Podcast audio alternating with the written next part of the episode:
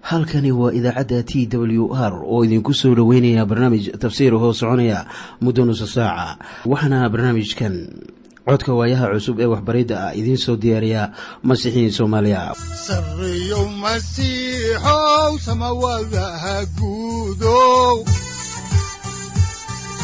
Siraadkii adduunkow subanaha eebow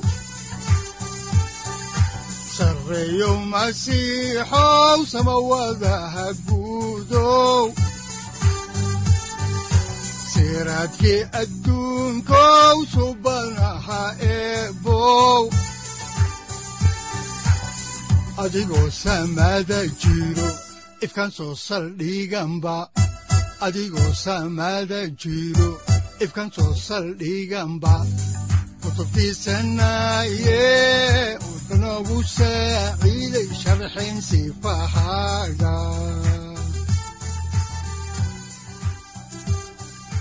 dhowaada dhegaystayaal barnaamijkeenna dhammaantiinba waxaan horay u sii ambaqaadi doonnaa daraasaadkii la magac baxay baibalka dhammaantii waxaannu caawa idiinsii wadi doonnaa cutubka afar iyo tobanaad oo mawduuca uu ka hadlayana uu yahay cunnada ay reer banu israa'iil cunayaan waxaanan uga gudbi doonnaa cutubyada shan iyo toban ilaa lix iyo toban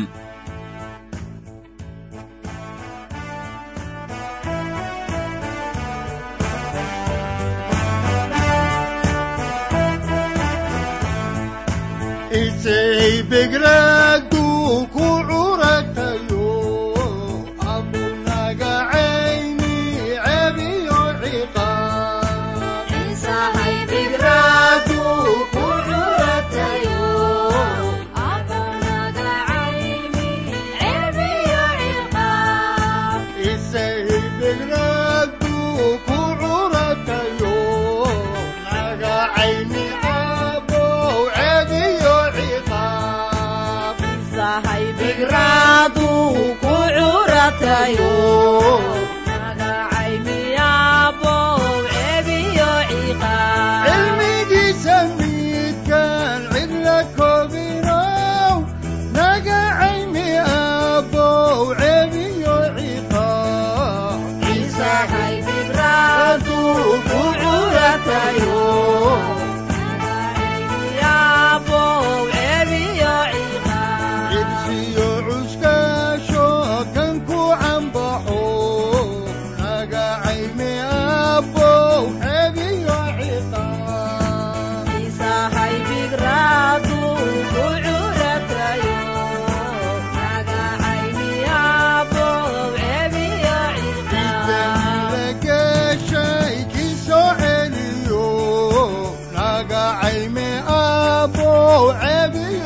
cebiyo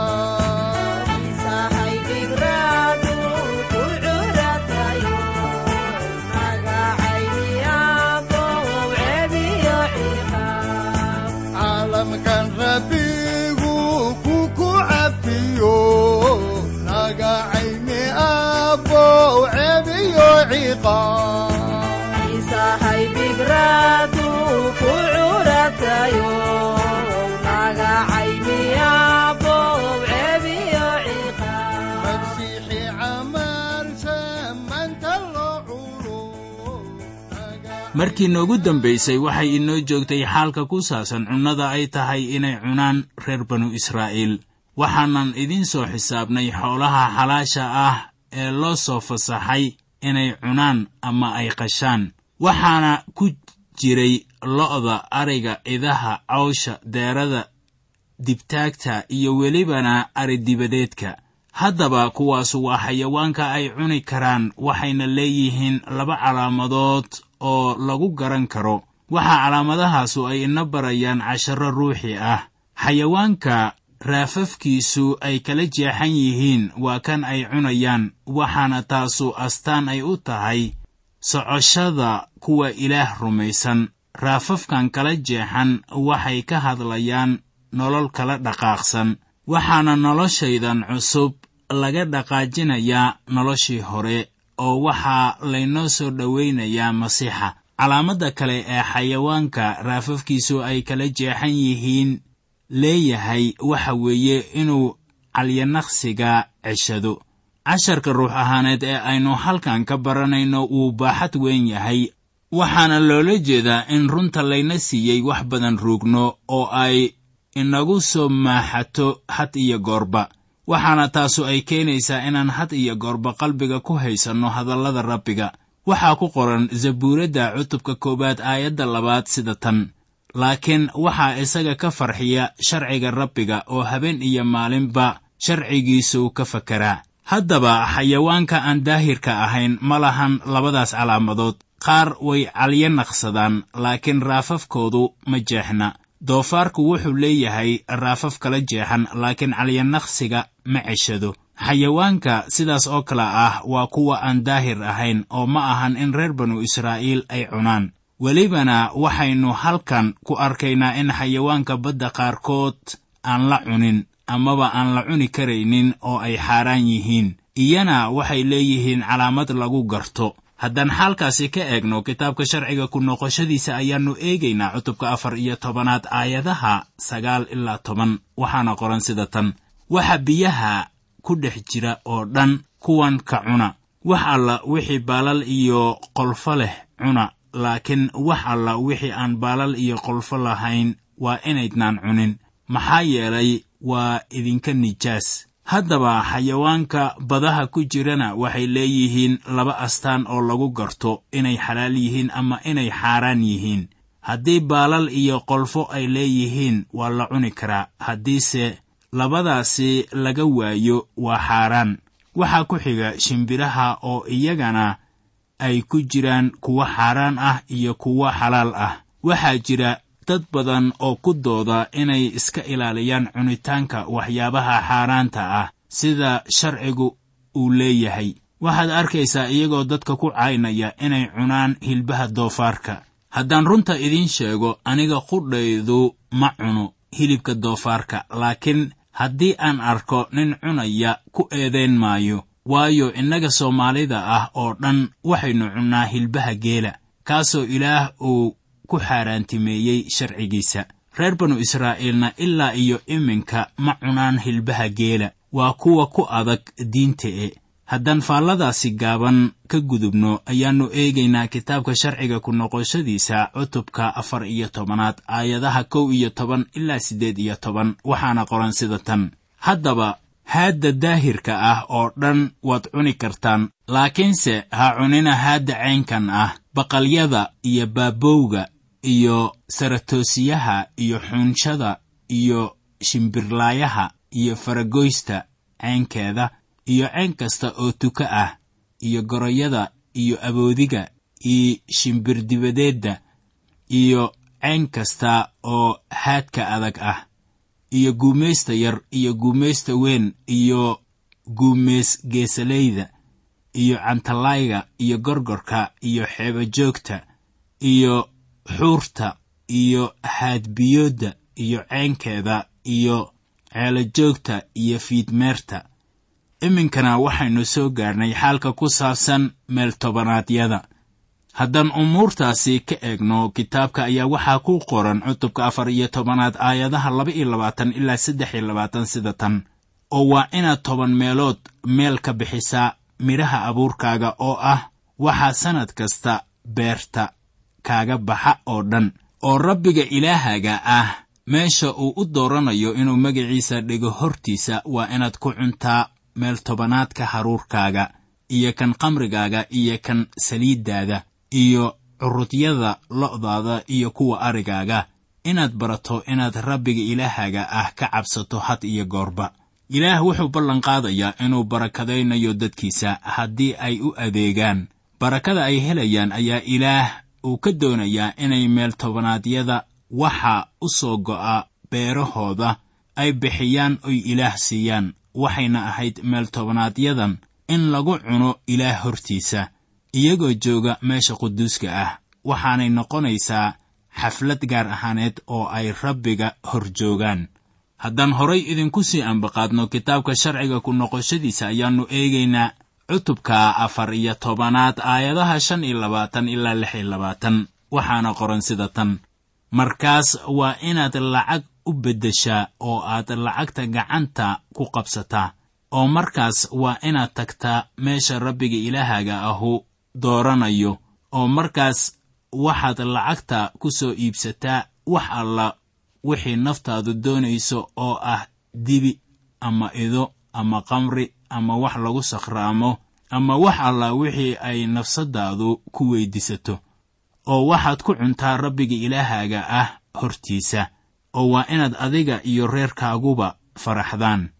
Haddii ay ka fogaadaan macbuudka inay keenaan meeltobannaadyada xoolahooda ama waxa beeraha uga soo go'ay waxaanay waxyaabahaasi ay ilaah u bixinayaan markii ay halkaasi yimaadaan haddaan xigashada horay u sii wadno ayaannu iminkana eegaynaa aayadda siddeed iyo labaatanaad oo leh oo saddex sannadood oo kasta markay dhammaadaanba waa inaad soo bixisaa meeltobanaadka waxa sannadaasi kuu baxay oo waxaad ku kaydsataa irdahaaga gudahooda.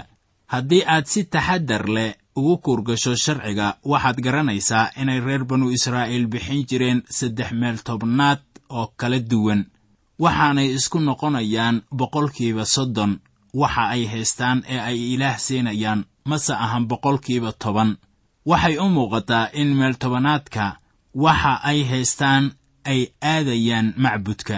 Laakiin waxaa kaloo jiraya meeltobanaad kale oo la bixinayo saddexdii sannadoodba mar haddaan horay idinku sii wadno xigashada oo aan eegno kitaabka sharciga ku noqoshadiisa cutubka afar iyo tobanaad aayadda sagaal iyo labaatanaad waxaa qoran sida tan. Oo markaas waxaa imaan oo ka cuni oo ka dhergi doona kan reer laawi waayo isagu idinlama lahan qayb iyo dhaxaltoona iyo qariibka iyo agoonta iyo carmalka inuu rabbiga ilaahaaga ahu kugu barakadeeyo. Shuqulka aad gacantaada ku qabato oo dhan. Haddaba ilaah wuxuu doonayaa in reer laawi oo howlaha adeegga macbudka ku mashquulsan uu daryeelo. Waxaad kaloo ogaataa in ilaah uu doonayo ama danaynayo masaakiinta. Waxaad kaloo ogaataa in ilaah uu danaynayo masaakiinta aan waxba haysanin sida qariibka agoonta iyo carmalka. Haddaan intaasi ku soo ekayno dulmarkii cutubka afar iyo tobanaad ayaannu iminkana idiin bilaabi doonnaa cutubka shan iyo tobanaad. Mawduuca cutubkan uu ka hadlayo waxa weeye qorshaha ilaah uu u hayo masaakiinta iyo addoommada. Maanta waxaannu maqalnaa wax badan oo ku saabsan barnaamijyo lagu taageerayo dadka saboolka ah. Dadku waxay jeexaan qorshayaal badan oo xaalkaasi ku saabsan laakiin kuwa shaqeeya ma ahan. Ilaahse wuxuu leeyahay qorshe saboolka lagu kaalmeeyo oo shaqaynaya cutubkan waxaynu ku lafaguraynaa oo kale ninka doonaya inuu weligiis addoon u ahaado sayidkiisa. Waxaana ugu dambaynta uu cutubkani ka hadlayaa wax ku saabsan qurbaanka kaamilka ah oo u taagan masiixa. Waxaan ku bilaabaynaa sannada sabdiga oo noqonaya toddobadii sannadoodba mar. Haddaan xaalkaasi ka eegno kitaabka sharciga ku noqoshadiisa ayaa waxaa ku qoran cutubka shan iyo tobanaad aayadda koowaad sida tan oo toddoba sannadood oo kasta markay dhammaadaan waa inaad saamaxaad samaysaan. Haddaba sannada toddobaad mar waliba waxay noqonaysaa sannad sabtiyeed. Haddaan horay idinku sii wadno xigashada kitaabka oo aannu eegno kitaabka sharciga ku noqoshadiisa cutubka shan iyo tobanaad aayadda labaad waxaa qoran sida tan. Oo sidaad saamaxaad u samaysaan waa sida tan. Mid kasta oo deen baxshayba ha saamaxo wixii uu deriskiisa deenshay oo waa inuusan ka qaadan deriskiisa iyo walaalkiis toona maxaa yeelay waxaa la naadiyey rabbiga saamaxaaddiisii. Waxaa ilaah horay uu ugu sheegay in dhulka uu nasanayo sannada toddobaad. Waxaan markaasi halkaasi ka baranaynaa inuu sannad sabtiyeedku noqonayo sannad layse saamaxo. Kii amaah walaalkii ku leh amaahdii wuu ka tegayaa waxaana taasu ay keenaysaa in hodantinimada iyo saboolnimadu ay isu dheeli tirmaan. Qof walibana wuxuu helayaa fursad. Mabaadi'da shuuciyadda ayaan innaba ka fakarin xaalka ku saabsan in dadku ay dembiilayaal yihiin. Haddii qofku camalla'aan wax ku helo mar waliba wuxuu doonayaa inuu iska seexdo. Marka mabaadi'daasu shaqayn kari mayso dalalka hantigoosadka ahna waxay had iyo goorba adkaynayaan in ninka hantida leh uu amarka leeyahay. Waxaanay taasu keenaysaa inay abuurto jawi ah inay kuwa hantida leh ay yaraadaan kuwa saboolka ahina ay bataan. Nidaamkan ilaah ayaa samaynaya isku dheelitir taasoo meesha ka saaraysa in qofi aad iyo aad uu taajir u noqdo mid kalena aad iyo aad sabool uu u noqdo haddaan aayadda saddexaad horay idinku sii wadno ayaa waxaa ku qoran sida tan. Kii shisheeye ah waad ka qaadan karaysaan laakiinse wax alla wixii aad leedihiin oo gacanta walaalkiin ku jira waa inaad saamaxdaan. Haddaba sharcigan wuxuu caawiyayaa ninka reer banu israa'iil haddii qaan lagu leeyahay oo la soo gaaro sannada sabtida qaantaas waa laga cafinayaa wuxuuna helayaa fursad uu mustaqbalkiisa ku dhiso mar labaad. Haddii ay reer banu israa'iil dhowraan sharciga bal dhegayso waxa ay helayaan. Haddaan horay idinku sii wadno kitaabka oo aannu eegno kitaabka sharciga ku noqoshadiisa cutubka shan iyo tobanaad aayadda afaraad waxaa qoran sida tan. Si kastaba ha ahaatee mid miskiin ah waa inaan dhexdiinna laga helin. Maxaa yeelay hubaal rabbigu wuu idinku barakadayn doonaa dalka rabbiga. Ilaahiinna ahu uu dhaxalki idin siinayo inaad hantidaan. Markaad eegto dunideenna waxaa jira dad badan oo sabool ah oo laga helayo qaarad waliba kuwaasoo aan caddadkooda la xisaabi karaynin. Waxaana taasi keenaya niyadaha dembiga leh ee dadka. Maxaa wacay nin waliba waa baqayl oo inay iscaawiyaan iyo inay sharcigan qiimiga leh raacaan dooni maayaan markaana ilaa niyadda dadku ay beddelanta mooyaane suuragal noqon mayso in sharciyada dadku ay degsadaan lagu guulaysto waa niyadda dadka tan dhibaatada keenaysa. Haddaba maxaa dhacaya haddii hodantinimada qaranku uu leeyahay la wadaago?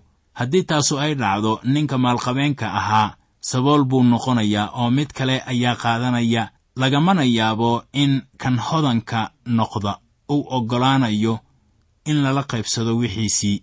Haddaan horay idinku sii wadno xigashada kitaabka ooan eegno aayadda lixaad ayaa waxaa qoran sida tan.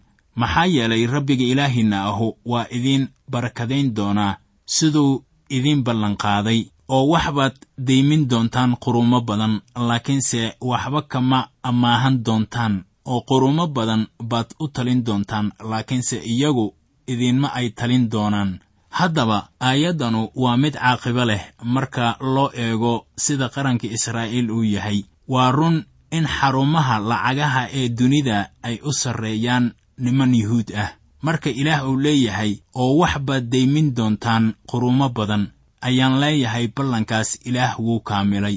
Laakiin marka la leeyahay oo qurumo badan baad u talin doontaan laakiinse iyagu idiinma ay talin doonaan ayaan ballankaasi weli la kaamilin maxaa haddaba sabab u ah? Waxaa sabab u ah in reer banu israa'iil ayaan ilaah u addeecin sidii laga doonayey ilaa iyo haatan. Haddaan horay idinku sii wadno oo aan eegno cutubka shan iyo tobanaad aayadaha toddoba ilaa siddeed waxaa qoran sida tan.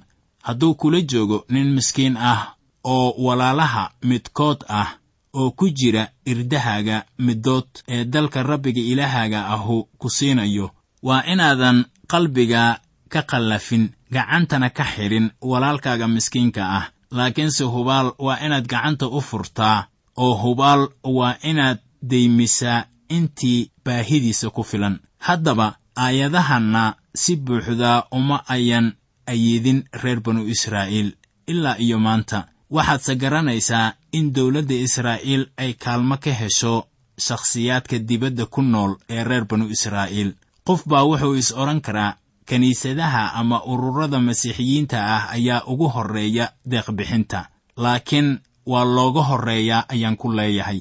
Dhegaystow yuhuudda waxay dowladdooda ku taageeraan malaayiin dollar sannadkiiba haddaan horay idinku sii wadno xigashada kitaabka sharciga ku noqoshadiisa cutubka shan iyo tobanaad aayadda sagaalaad ayaa waxaa qoran sida tan.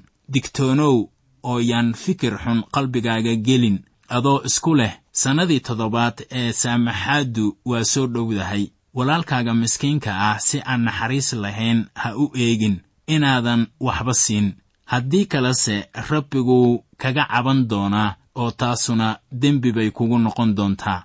Ilaah wuxuu u digayaa inaanay amaahda walaalka ay siinayaan ayan u diidin sannada sabtida ah oo soo dhow awgeed ilaah wuxuu ku leeyahay waa inaad walaalkiinna miskiinka ah had iyo goorba aad wax amaahisaan oo caawisaan haddaan horay idinku sii wadno kitaabka sharciga ku noqoshadiisa ayaannu eegaynaa cutubka shan iyo tobanaad aayadaha toban ilaa kow iyo toban. Waxaana qoran sida tan hubaal waa inaad isaga wax siisaa oo markaad wax siisana qalbigaagu yuusan xumaan maxaa yeelay taas daraaddeed ayaa rabbiga ilaahaaga ahu uu kugu barakadayn doonaa shuqulkaaga oo dhan iyo wax alla wixii aad gacanta ku qabataba. Waayo masaakiintu weligood dalka kama ay dhammaan doonaan. Haddaba waxaan kugu amrayaa oon kugu leeyahay hubaal waa inaad gacanta u furtaa walaalka iyo kaaga baahan iyo masaakiinta dalkaaga joogta. Ilaah wuxuu u sheegayaa inay isaga addeecaan oo wax miskiin ah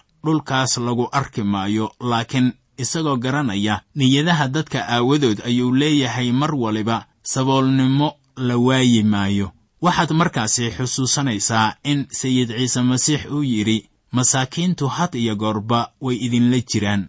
Haddaba mar waliba waxaa jiraya saboolnimo iyadoo ay ugu wacan tahay niyadaha sharka leh ee bini'aadanka sababtaas aawadeed bini'aadamku ma lahan deeq haddana ilaah wuxuu ku leeyahay reer banu israa'iil haddaba waxaan kugu amrayaa oon kugu leeyahay hubaal waa inaad gacanta u furtaa walaalkaaga iyo kaaga baahan iyo masaakiinta dalkaaga joogta. Waxaa kaloo sannada sabdida la xoreeyaa addoommada. Haddaan xaalkaasi ka eegno kitaabka sharciga ku noqoshadiisa cutubka shan iyo tobanaad aayadaha saddex iyo toban ilaa afar iyo toban waxaa qoran sida tan. Oo markaad xorayso waa inaadan dirin isagoo faramaran. Waa inaad si deeqsinimo ah isaga ugu xoolo goysaa idahaaga iyo haruurka goobtaada lagu tumo iyo waxa macsarada canabkaaga ku jira. Oo sidii rabbiga ilaahaaga ahu uu kugu barakadeeyey waa inaad isaga wax u siisid.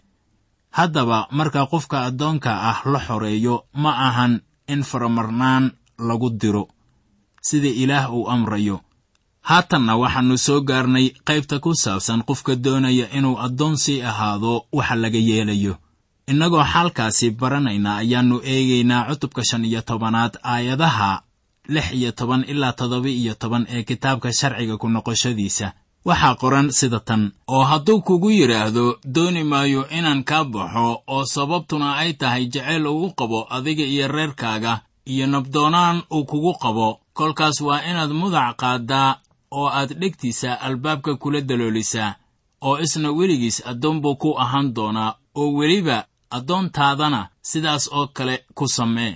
Waxaan sharcigan horay ugu soo aragnay kitaabka baxniintii cutubka kow iyo labaatanaad oo ka hadlaysa ninka addoonnimada isku bixinaya haddii sayidkiisu uu siiyo naag taasoo ah addoontiisa oo sannada sabtidu timaado ninku waa iska tegi karaa laakiin wuxuu dooran karaa inuu naagtiisa la sii joogo iyo carruurtiisa oo wuxuu noqonayaa addoon weligii. Dabeetana dhegta ayaa mudac looga mudayaa si uu ninkaasu addoon ugu ahaado sayidkiisa weligiisba. Tanina waxay sawir muuqdo u tahay sayid ciise masiix sida ku qoran warqaddii rasuul bawlos uu u qoray dadka reer filiboy cutubka labaad aayadaha toddoba ilaa siddeed ee baalka saddex boqol afartan iyo toddoba ee cahdiga cusub oo leh laakiinse wuu ismariyey oo wuxuu qaatay addoon suuraddiis oo wuxuu noqday mid dad u eg oo markuu nin u ekaaday ayuu is-hoosaysiiyey u addeecay inuu dhinto xataa inuu iskutallaabta ku dhinto. Haddaba ciise wuu iska diidi karay inuu iskutallaabta aado laakiin wuu ina jecel yahay oo innaga daraaddeen ayuu isku bixiyey isla sida addoonka dhegta looga duleeliyey ayaa zabuurluhu leeyahay ayay dhegahaygu u duleelaan ama ugu furan yihiin ilaah. Warqaddii cibraaniyada ayaa waxay qidco ama aayad ka qaadanaysaa zabuurka afartanaad oo waxay leedahay sida ku qoran cutubka tobanaad aayadda shanaad ee baalka saddex boqol kow iyo sagaashan ee axdiga cusub. Saas daraaddeed kolkuu masiixu dunida soo galay wuxuu lahaa allabaryo iyo qurbaan ma aad doonaynin laakiin jir baad ii diyaarisay.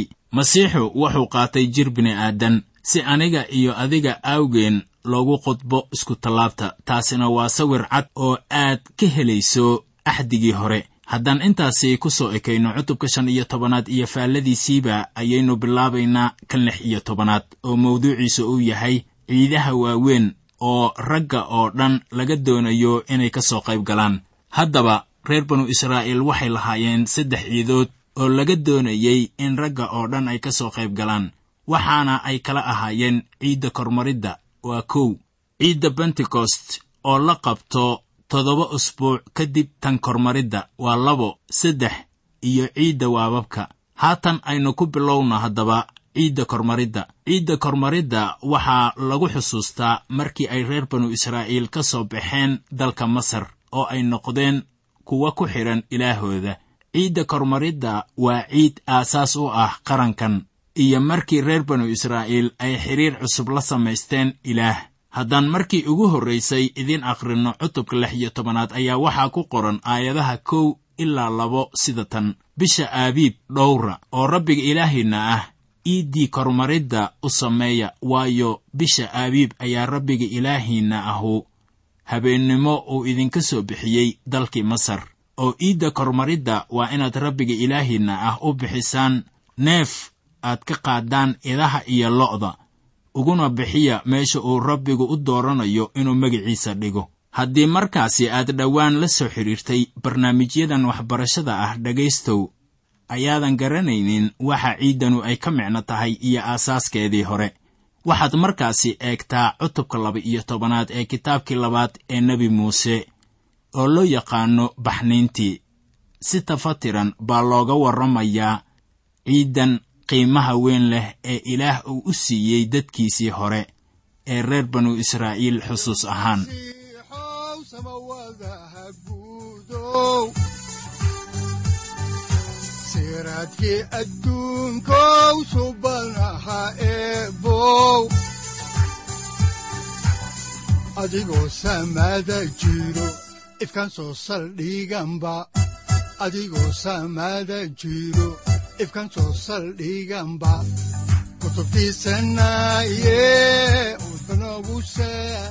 Halkani waa t w r idaacadda t w r oo idinku leh ilaa ha idin barakeeyo oo ha idinku anfaco wixii aad caawi ka maqasheen barnaamijka.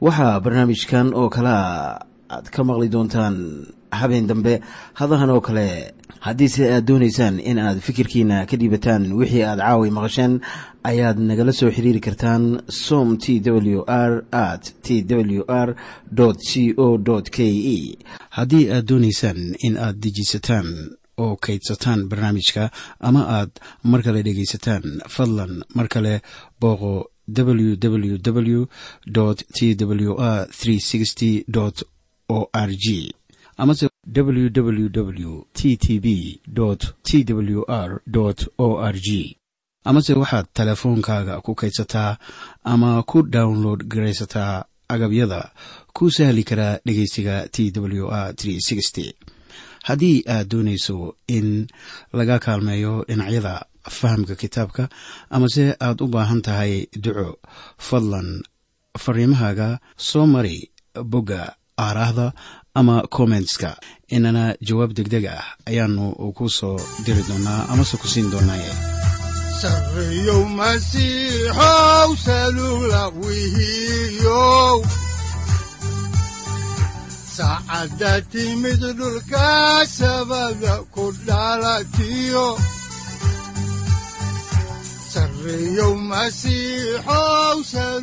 halkani waa t w r oo idiin rajaynaya habeen baraare iyo barwaaqaba leh inta aynu ka gaari doono wakhti aynu ku kulanno barnaamij la mida kan caawayay aad maqasheen. Waxa aan idinku leeyahay nabadda ciise masiix ha idinku badato xagga jidhka iyo ruuxaba aamiin